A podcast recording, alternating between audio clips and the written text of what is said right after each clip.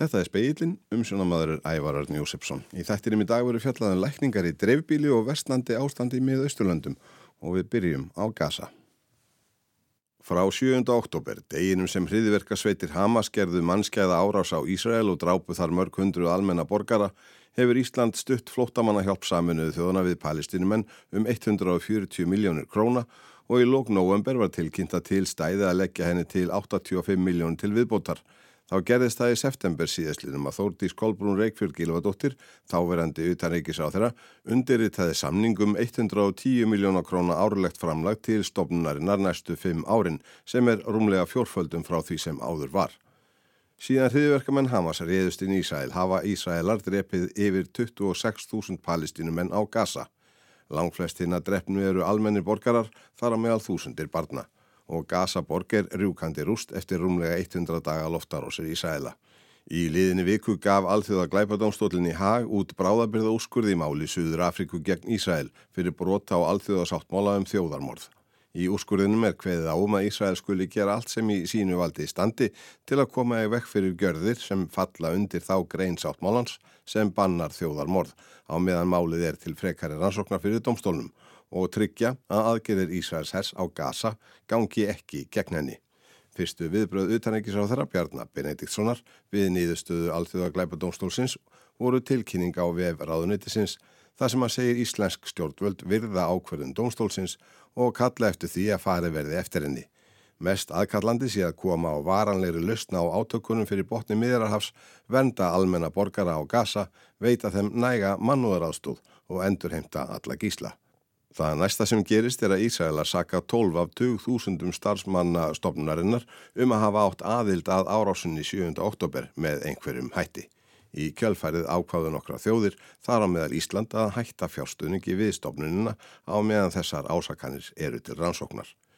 Flótamanna hjálp saminuð þjóðana við palestínumenn UNRWA, eins og hún er skamstöfuð, var sett sérstaklega á lakirnar til að halda auðtanum þær miljónir palestínumanna sem hraktar voru frá heimilum sínum við stopnun Ísraels ríkis og í stríðinu sem fylgdi hart á hæla þess árið 1948 og ákomenda þeirra líka því þetta fólk er nefnilega enn á flótta frá heimkinnum sínum, rétt eins og sá mikli fjöldi sem bættist í þennan stóra hóp skjólstæðinga stopnunarinnar í kjölfar 6. strísins 1967 og þeir búa ekki einungis á Gaza, Vesturbakkanum og Östur Jérúsalem heldur líka í stórum flottamannabúðum í Jordani, Sýrlandi og Líbanon.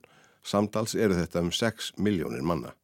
Hjá stofnuninni starfa ríflega 30.000 manns, þar af um 13.000 á Gaza.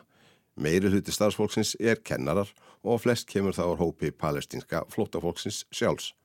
Sveit Rúnar Högson, læknir og formaður félagsins Ísland-Palestína um aldarfjörðun skeið er nýkomin inn í stjórn félagsins aftur eftir 7 ára hlið.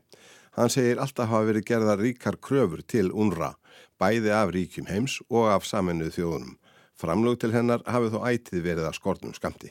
Henn er ætlað að, að sjá um helbriðismál, helbriðisjónustu. Henn er ætlað að sjá bæði um grunnskóla og, og frekari mentun og starfsmentun.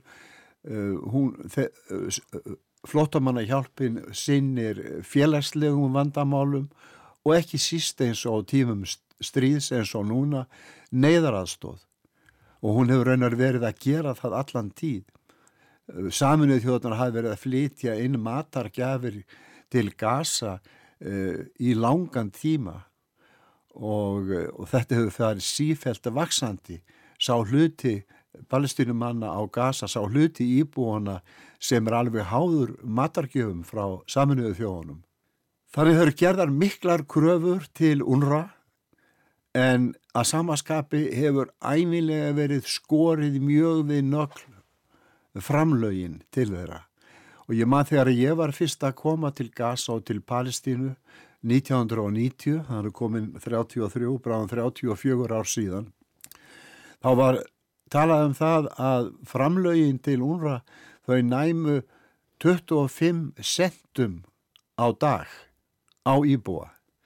Það voru 25 cent sem átti að döga fyrir öllu sem að stopnunum var ætlað að sinna gagvart fólkinu. Ástandið á Gaza hefur færið síversnandi frá árunnu 2007, segir Sveit, vegna viðbræða Ísraela við því að Hamas náði þar öllum völdum. Svar Ísraels við því var að setja gasaströndina í Herkvi. Bara loka þessari litlu 360 ferrkilometra landræmu, loka henni af. Þannig enginn kemist út eða inn nefnir sérstökku leifi hernámsiðvaldana. Alþjóða flugullurinn var eðilaður, happan var sett á, ávakstalundir eðilaðir og landbúnaður gerður svo gott sem ómögulegur, segir Svein. Landið var algjörlega aflokað, þeir skömmtuðu bæði vatnið og, og, og ramagnið og það er náttúrulega það sem að gerðist núna í upphafi eh, þessarar herrferðar sem hófst 7. oktober að þá var uh, því líst yfir að palestinumenn fengju ekki vatn Þeir fengu ekki matvæli, þeir fengu ekki elsneiti sem þýður um leið að þeir fá ekki lengur ramagn og það átti beilinnes að, að leggja líf fólksins í, í eigði kjörsamlega.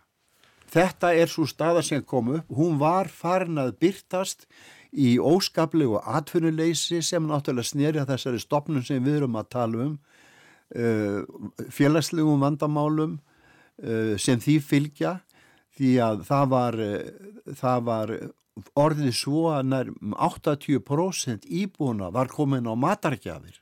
Og það hefur heirt mismönandi tölur 50, 60, 70% atvinnuleysi. Það er alveg yfirgengilegt atvinnuleysi, ekki síst meðal ungs fólks. Hungursneið blasir við nær tveimur miljónum palestínumanna og Sveit segir ægilegt að horfa upp á þá ákverðun stjórnvalda að frista greiðslur Íslands til flótamanna hjálparinnar við þær aðstæður sem nú eru uppi á Gaza. Það eru 30.000 sem starfa hjá UNRWA en vegna þess að 12 einstaklingar eru sakaðir af ís, Ísraelsku leinustunum um að hafa haft eitthvað að gera, eitthvað að verða að styðja uh, árás uh, Al-Qassam sveitana 7. oktober að þá er það orðið tilipni til þess að þessarar gríðarlegu hóprefsingar því þetta er ekkert annað en hóprefsing að ætla að lama starf flóttamanna hjálparinnar þetta er á sama tíma og kemur daginn eftir að alþjóða domstólinn í hag er búin að, að taka gild öll rög Suður Afríku í ákærum um þjóðarmorð á Gaza og þeim er í bráðberða úrskurði sagt að hætta að drepa fólk. En það sem skipti ekki minnumáli var kapli um að það verði þegar í stað að ebla mannúðraðstóðina. Markfalda stuðningin til unra og annara stofnana saminuði þjóðana sérstaklega til þess að koma fólkinu til hjálpar sem er þarna sennilega farið að deyja úr kulda og sjúkdómum, ekki síður en að völdum sprengju og, og, og, og kúla og bissukúla. Að, að við skulum taka þátt í þessu ásand bandaríkjánum og einhverjum örfáum ríkjum er mér alveg óskiljanlegt. Sæði Sveit Rúnar Högson.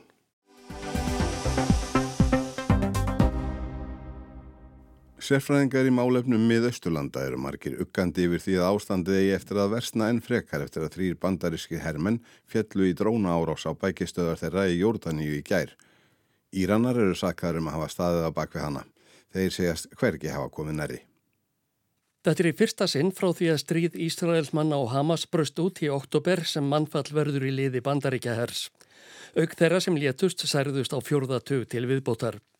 Joe Biden fórseti var á frambóðsfundi í Suður Karolínu þegar hún tíðindin bárust. Hann brást við skjótt, sakaði Írana um að eiga hlutað máli og hétt við að árásinni erði svarað og þeir dregnið til ábyrðar sem að henni stóðu. Pólitískir anstæðingar Bidens í republikanafloknum voru fljótir að grípa gæsina enda fórsetakostningar framundan á hausti komanda. Donald Trump sem að öllum líkindum verður keppinautur Bidens um fórseta ennbættið byrti yfirlýsingu á samfélagsmiðli sínum. Þessi freklega árás að bandaríkin er enn einn skelvileg og hörmung afleiðing, veikleika og kjarkleisis Joe Bidens skrifaðan. Hann sagði að árásin á bandarísku hermennina, árás Hamas á Ísrael 7. oktober og innrás rússa í Úkrænu hefði ekki gerst ef hann hefði verið við völd í kvítahúsinu. Þess vegna erum við á barmið þriðju heimsteri aldarinnar bættan við. Fleiri fóristumenn republikanaflokksins hafa tjáð sig um árásina. Þeirra á meðal er öldungadeildarþingmaðurinn Lindsey Graham. Ég skora á bætenstjórnin að ráðast á mikilvæg skotmörk innan Írans, ekki einugist til að hefna fyrir að hafa felt hermen okkar, heldur einnig til að kenna þeim að halda aftur af sér í framtíðinni, saði Graham í yfirlýsingu. Hið eina sem íranska stjórnin skilur er herstyrkur. Þeir halda áfram að ráðast á bandaríska hermenn þar til þeir þurfa að greiða fyrir framferði sitt með löskuðum innviðum og mannfalli. Látum Írana hafa það núna og það óþvegið. Gerard M. Firestein, fyrverandi sendiherra bandaríkjana í Jemen, segir að bandaríkjastjórn sé vandi á höndum. Þessi krafist að árásarinnar í gær verði rækilega hemt. Hann segist í viðtalið við Breskaríkisútvarfið ekki rekna með að árás á Íran sé yfirvofandi. But I would expect that they're going to intensify their efforts to disrupt and defeat these specific militia groups that they believe are responsible for launching these attacks.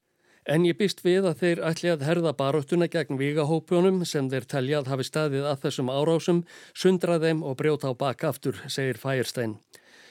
Jeremy Bowen, fréttastjóri Erlendra frétta hjá BBC, er sammála sendiherranum fyrverandi.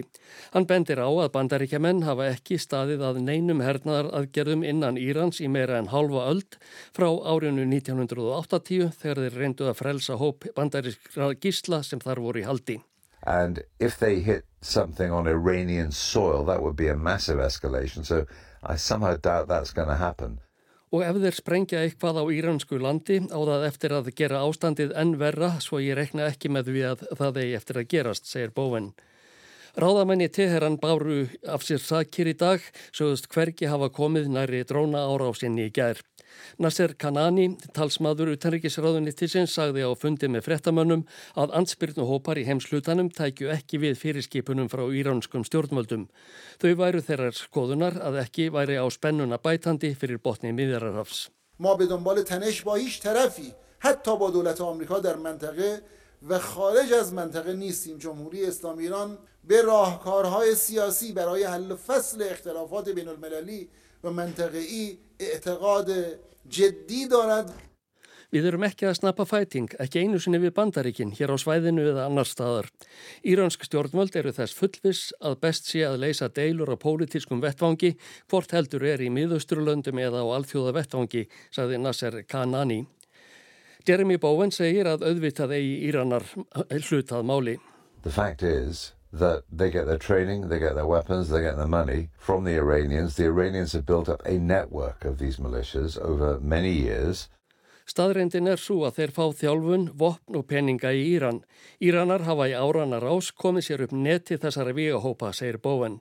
Þessa hópa segir hann að Íranar líti á sem varnarsveitir gegn óvinnum ríkisins en á vesturlöndum sé lítið á þá sem hriðiverkamenn.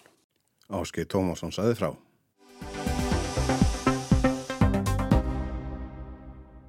Stemtir að innleðingu nýrar sér námsleðar í læknisfræði, héraslækningum. Það eru lækningar í dreifbíli. Héraslækningar verða þá undir sérgrein heimilislækninga. Ejólfur Þorkilsson læknir sem styrði málstofum héraslækningar á læknadögum segir þörfina fyrir þessa sérhefingu mikla. Ef að það er bráðamóttaka í segjum bara 15 mínútna fjarlag þá verða bráðavandamálinn færri á helsugjæslinni ef að eh, það er öllu göngudeld hjartasjúkdóma þar sem að fólk til dæmis eftir hjartaáfall fer reglulega í eftirlit þá verðar færri kannski þannig vandamál sem að eh, leita á helsugjastluna. Þessi vandamál hafa kannski ekki annan farveg heldur en helsugjastluna út í dreifbíli sem þýðir það að helsugjastluna út í dreifbíli þarf að gera ráð fyrir því að þessi vandamál geti komið inn og búa fólkið sem að vinnur á helskjöðslinni undir það að takast á við þau. Segir Eyjólfur Þorkelsson, sérfræðingur í heimilisleikningum og yfirleiknir á heilsugjæslunni í fjörðarbyggð. Hann er eitt þeirra sem hefur komið að undirbúningi innleðingar nýs sérnáms í hérasleikningum.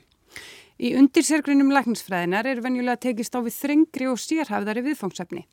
Því að þó öfugt farið í heimilisleikningum og hérðasleiknar menta sig sérstaklega í fjölhæfni til að starfa fjarrri sérfræðiskiptri heilbriðistjónustu þjættbílisins.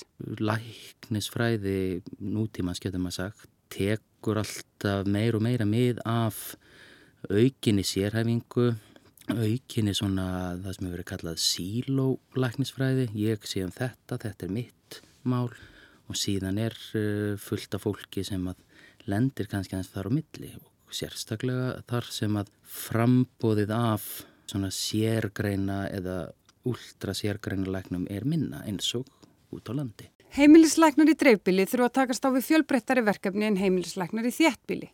Bæði tengt bráðatilvikum og því að sinna fjölbreyttari þjónustu sem í þjættbílinu er synd af sérfræðingum.